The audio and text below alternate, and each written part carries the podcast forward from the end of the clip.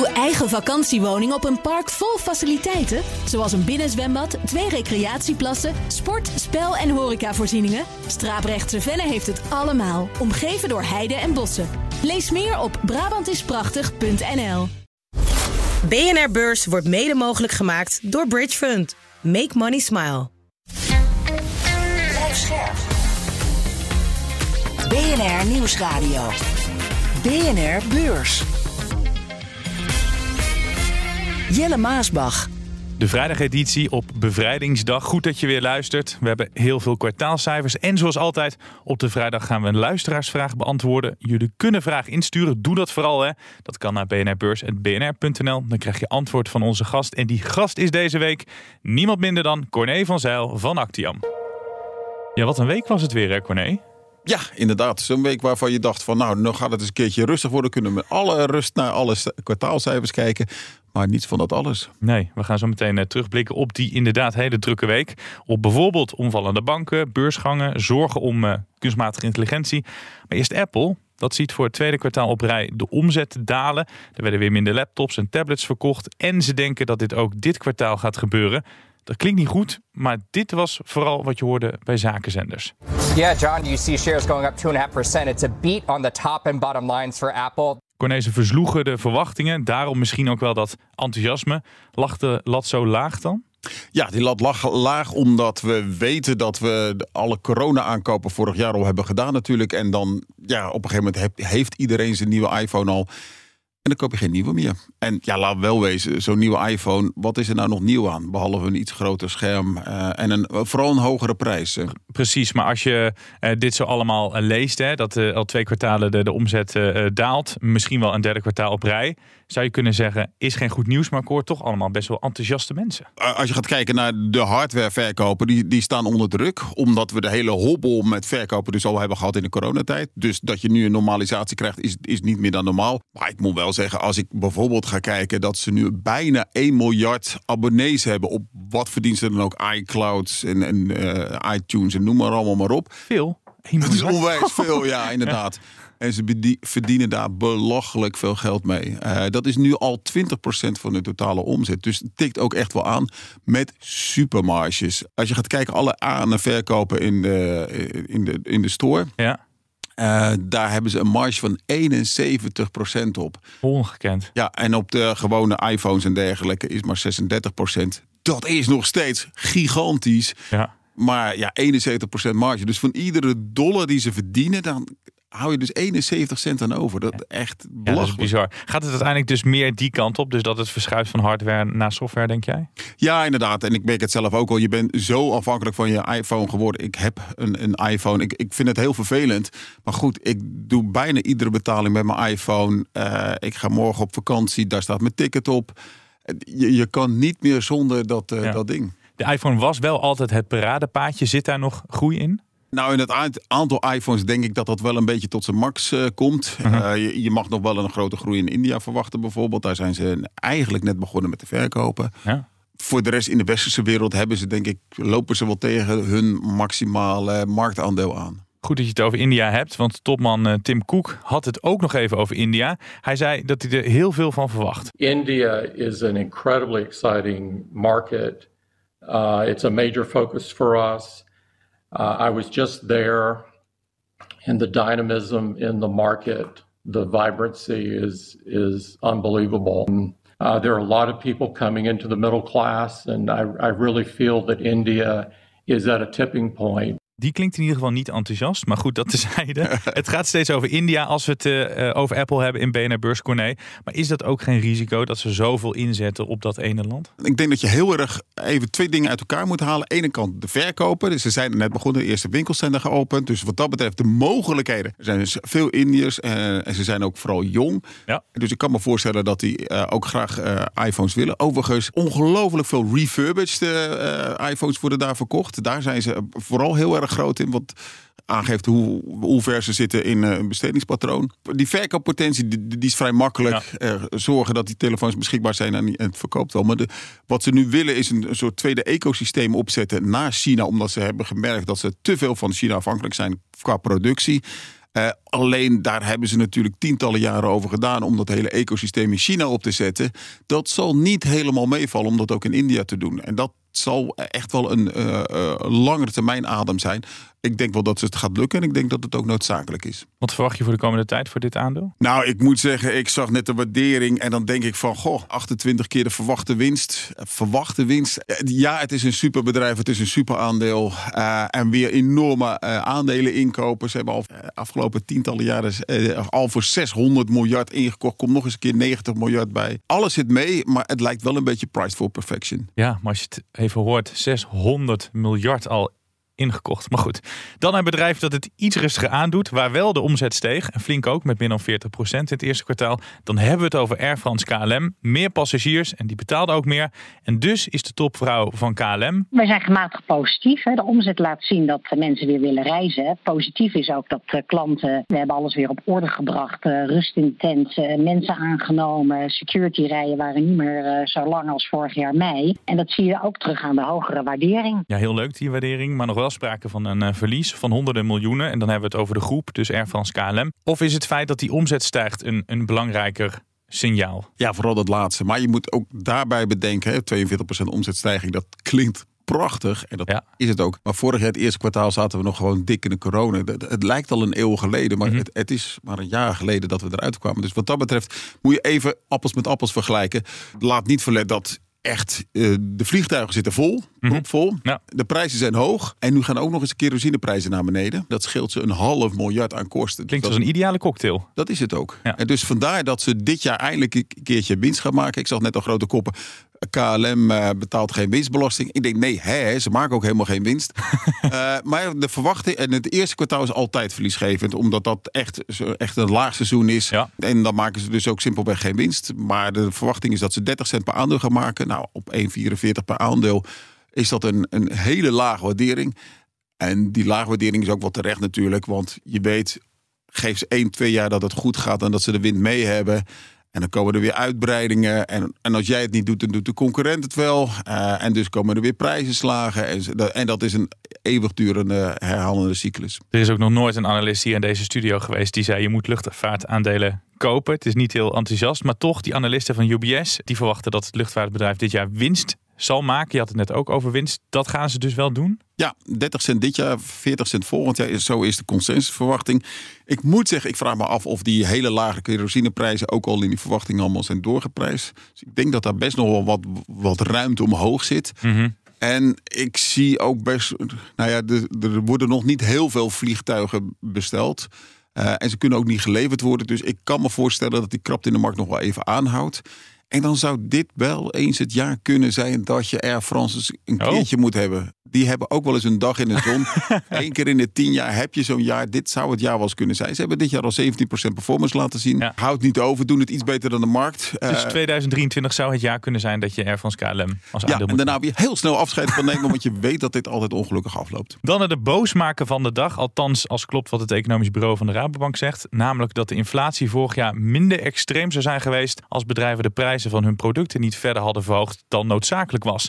Mogelijk dus graaiflatie. Jawel, je hoort Hugo Erken van de Rabobank. Het heeft natuurlijk behoorlijk een negatieve connotatie, graaiflatie. En er zullen ongetwijfeld ondernemers zijn die weliswaar uh, ja, toch opportunistisch gedrag hebben vertoond. Hè? Dus toch zoiets van, nou ja goed, ik zie dat de prijzen overal hard oplopen. Ik doe er nog eventjes 20% bovenop, zodat ik mijn winst wat kan spekken. Ja, Corné, bedrijven doen aan graaiflatie. Ja, ja, ik vind het wel bijzonder. Hij geeft het aan dat, ze, dat er een negatieve connotatie is, maar gooit hem er gelijk direct in.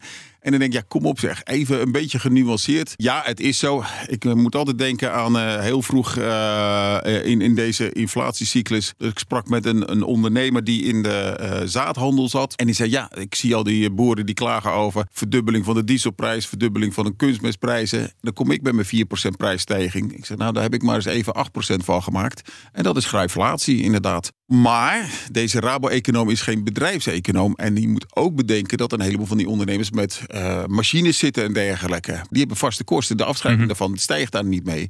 Maar dat betekent wel als je over vijf jaar nieuwe machine moet doen, dat je daar wel die inflatie over moet berekenen. Dus in sommige gevallen hebben ze dus die extra prijsstijging ook nodig. Misschien zijn in die berekening niet alles meegenomen. Ik denk het niet. Uh, en, uh, maar er zullen hier en daar best bedrijven zijn die denken van... god, we kunnen nu extra winst pakken, nu doen we het ook. Ja, het is beroerd voor jou en mij bijvoorbeeld in de supermarkt... dat we veel meer betalen voor onze boodschappen. Tenzij je belegt in een bedrijf dat zo de winst wist op te voeren. Dan is het wel weer leuk.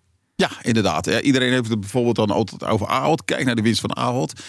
En dan zeg ik van nou, kijk nou, vooral naar de winst van Ahold in Europa. Uh, en die is al twee jaar aan het dalen, ondanks de corona-periode, ondanks deze inflatieperiode.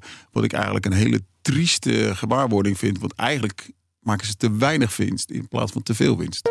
En dan de, de luisteraarsvraag. Dank voor het insturen. Deze keer komt die uh, vraag van Antonius. Hij vraagt zich af of de bankproblemen soms niet worden overdreven. Antonius hoort het overal voorbij komen. Hij zegt elke dag gaat het erover, maar daardoor gaan die koersen van de banken toch ook gewoon harder onderuit.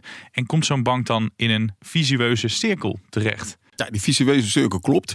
Eh, want de banken die nu onderuit gaan, die hadden helemaal geen problemen met hun spaarders. Mm -hmm. um, je zag dat Westpac bijvoorbeeld, die had hetzelfde aantal deposito's wat ze het kwartaal daarvoor hadden. Dus daar was geen daling. En toch daalt die koers.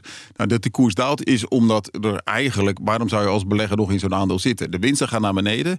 Je, je, weet dat de spaarrente omhoog moet, dus dat betekent een enorme verkrapping van de rentemarge. Bovendien, als het fout gaat, weet je dat je als aandeelhouder gewoon al je geld kwijt bent. Dat hebben we met alle voorgaande problemen gezien. En wat zou jij doen als spaarder en je ziet een koers halveren?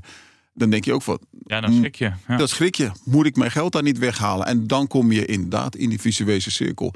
En dan is het dus uitermate winstgevend om als shortseller lekker die koers naar beneden te trappen. Nou, Antonius, dankjewel voor het insturen. Blijf dat vooral ook doen als je net als Antonius een vraag hebt. Dat kan naar bnrbeurs.bnr.nl. Deze week staat de tellen al op vier van falende Amerikaanse banken. En het volgende probleem dient zich alweer aan. Straks bespreken we wanneer die bankencrisis nu eens eindelijk voorbij is. Eerst even door de leuke en bijzondere onderwerpen van de week. Leuk voor als je ze gemist hebt, maar zeker ook nog steeds interessant, ook al heb je het voorbij horen komen. Het was uh, de week waarin we lekker werden gemaakt met beursgangen. Chipontwerper ARM gaat naar de Amerikaanse beurs. En Johnson Johnson stoot een onderdeel af dat naar de beurs gaat. Ja, kunnen we ons uh, vanaf nu dan gaan verheugen op veel meer beursgangen, Corné? Nou, als er veel meer beursgangen zijn, weet ik niet of je erop moet verheugen. Want meestal is het teken dat er overenthousiaste markt is. Maar dat is eigenlijk niet zo. Als je vooral in de westerse wereld kijkt, zijn er heel weinig beursgangen geweest. Dat komt ook door die sterke koersdaling. En er moet wel een beetje positief sentiment zijn. Opvallend wel dat je heel veel Chinese beursgangen ziet. Wat mij enigszins voorzichtig baart Maar je ziet er eigenlijk heel erg weinig juist in, eh, in eh, Europa en in de Verenigde Staten. Welke sectoren moeten we dan aan denken die uh, uiteindelijk kiezen voor, voor een beursgang? In dit geval is het consumentengoed er aan de ene kant en arm aan de andere kant. Arm, dat staat al vier jaar op de planning, geloof ik. Ja, dus, mag ook wel eens een keer. Het mag ook wel eens een keer. Dus ik denk dat daar een hoop mensen denken van nou, hè, stuur dat nou eigenlijk maar eens een keertje door. Dan de Adidas kwam vanochtend met de kwartaalcijfers. Omzet wat gedaald. Er is sprake van verlies. En de topman zegt dat ze dit jaar over een hobbelige weg rijden met teleurstellende cijfers. Spreekt ook uh, over een tussenjaar.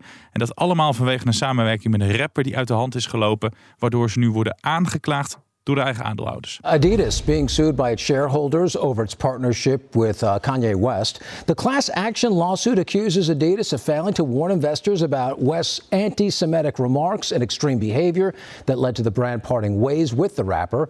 The lawsuit alleges Adidas failed to take measures to limit negative financial exposure if the partnership ended.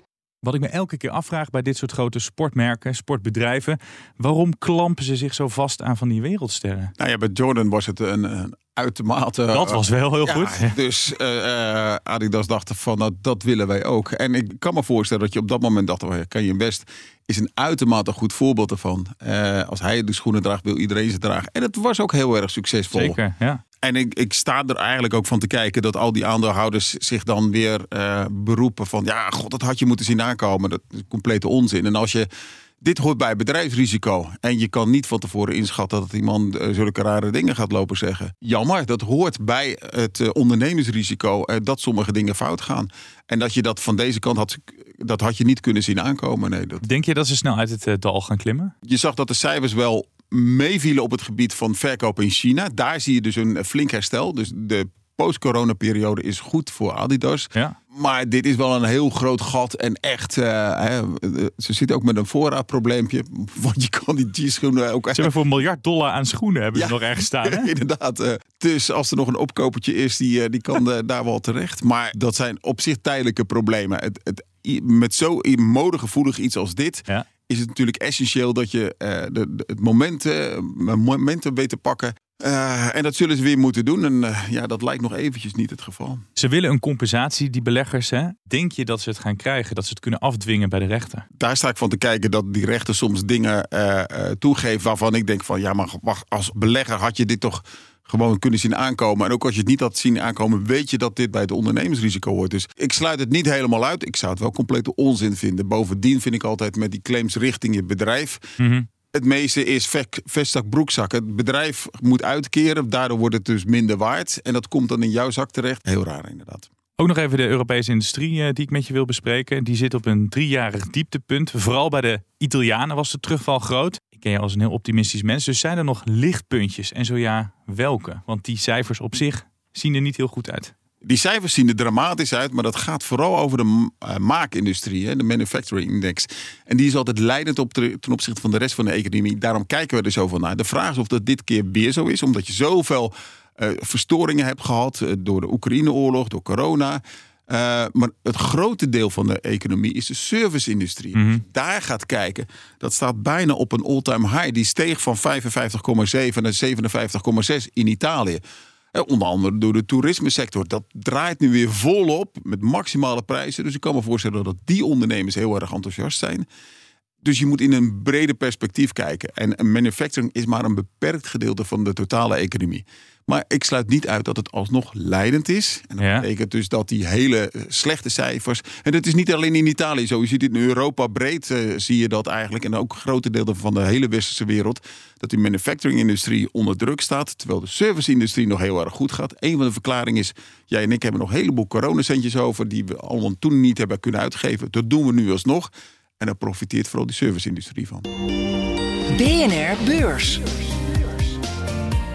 Dan naar de banken. Het was weer de week van de banken. Aan het begin van de week viel een bank om, First Republic Bank. En daar kwam later in de week een nieuw zorgkindje bij, Westpac. Verder bleek uit onderzoek dat banken een stuk voorzichtiger zijn geworden met het verstrekken van leningen. Zo streng hebben we ze sinds de eurocrisis niet meer gezien. En als klap op de vuurpijl was een beetje iedereen aan het waarschuwen. Van bank-CEO tot bekende investeerder tot aan de oud-economisch adviseur van president Trump. En dan heb ik het over Gary Cohn. This is not the end. I don't think we're going to get three and done. Crises don't sort of end this easily. There will be other issues out there in the banking world. Denk je ook dat er problemen komen? Ja, inderdaad. Met name bij de onroerend goedleningen. Maar zoals ze in Amerika zeggen, die zijn well flagged. Oftewel, iedereen weet het wel eens een beetje. Ook Charlie Munger, eh, de, de, de compaan van eh, Warren Buffett, had het erover. Ja. En ook wel terecht, want daar heb je heel veel problemen. Al die, het, het zijn bedrijven die het moeilijk hebben. Met name eh, bij, bij kantoren, en bij winkels. En die hebben wel heel veel herfinanciering nodig. En die herfinanciering zit er voor een heel groot gedeelte bij regionale banken, die het wat moeilijker hebben. Dus dat gaat echt wel een probleem worden.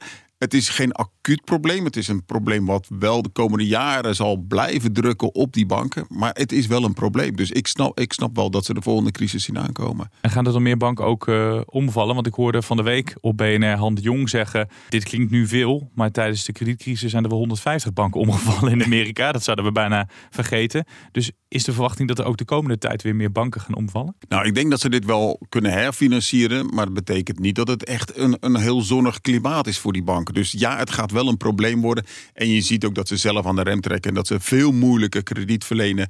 En tegen hogere prijzen. En dat is wel een heel negatief punt voor de economie. De afgelopen jaren hebben we makkelijk krediet gehad. Tegen Ja. hele lage prijzen.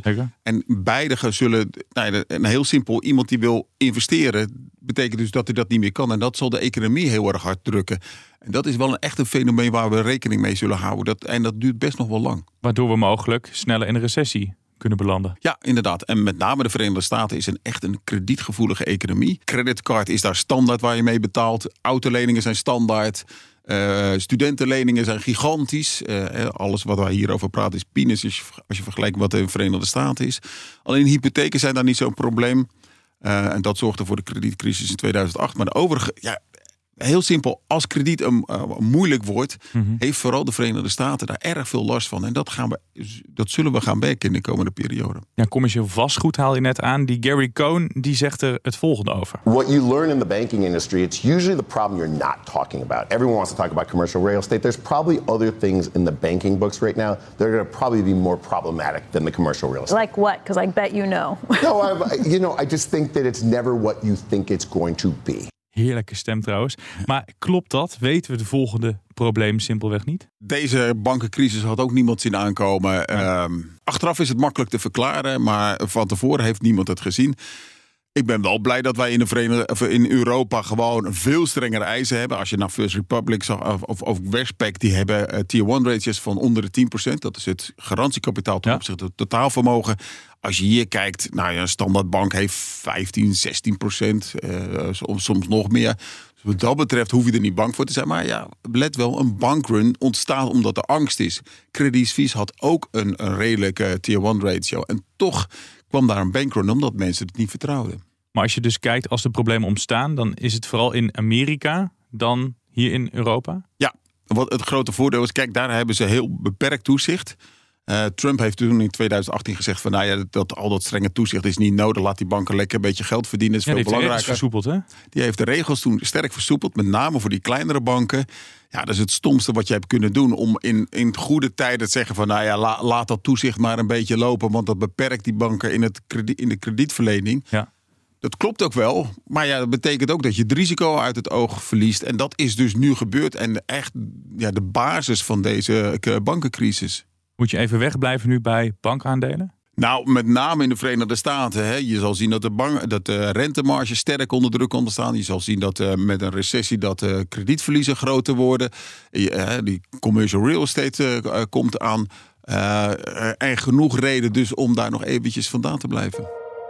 Wij gaan alvast kijken naar volgende week. Want wat staat er vanaf maandag op de agenda? We trappen de week af met kwartaalcijfers. De beleggers van PostNL weten dan hoe het bedrijf het in het eerste kwartaal heeft gedaan. En de verwachtingen, die zijn niet hoog gespannen. Analisten denken dat zowel de omzet als de winst is gedaald. Niet alleen zijn er, zoals al een tijd, minder brieven en kaarten verstuurd, ook loopt het minder bij de pakkettendivisie. Er wordt daar een omzetkrimp van maar liefst 8% verwacht.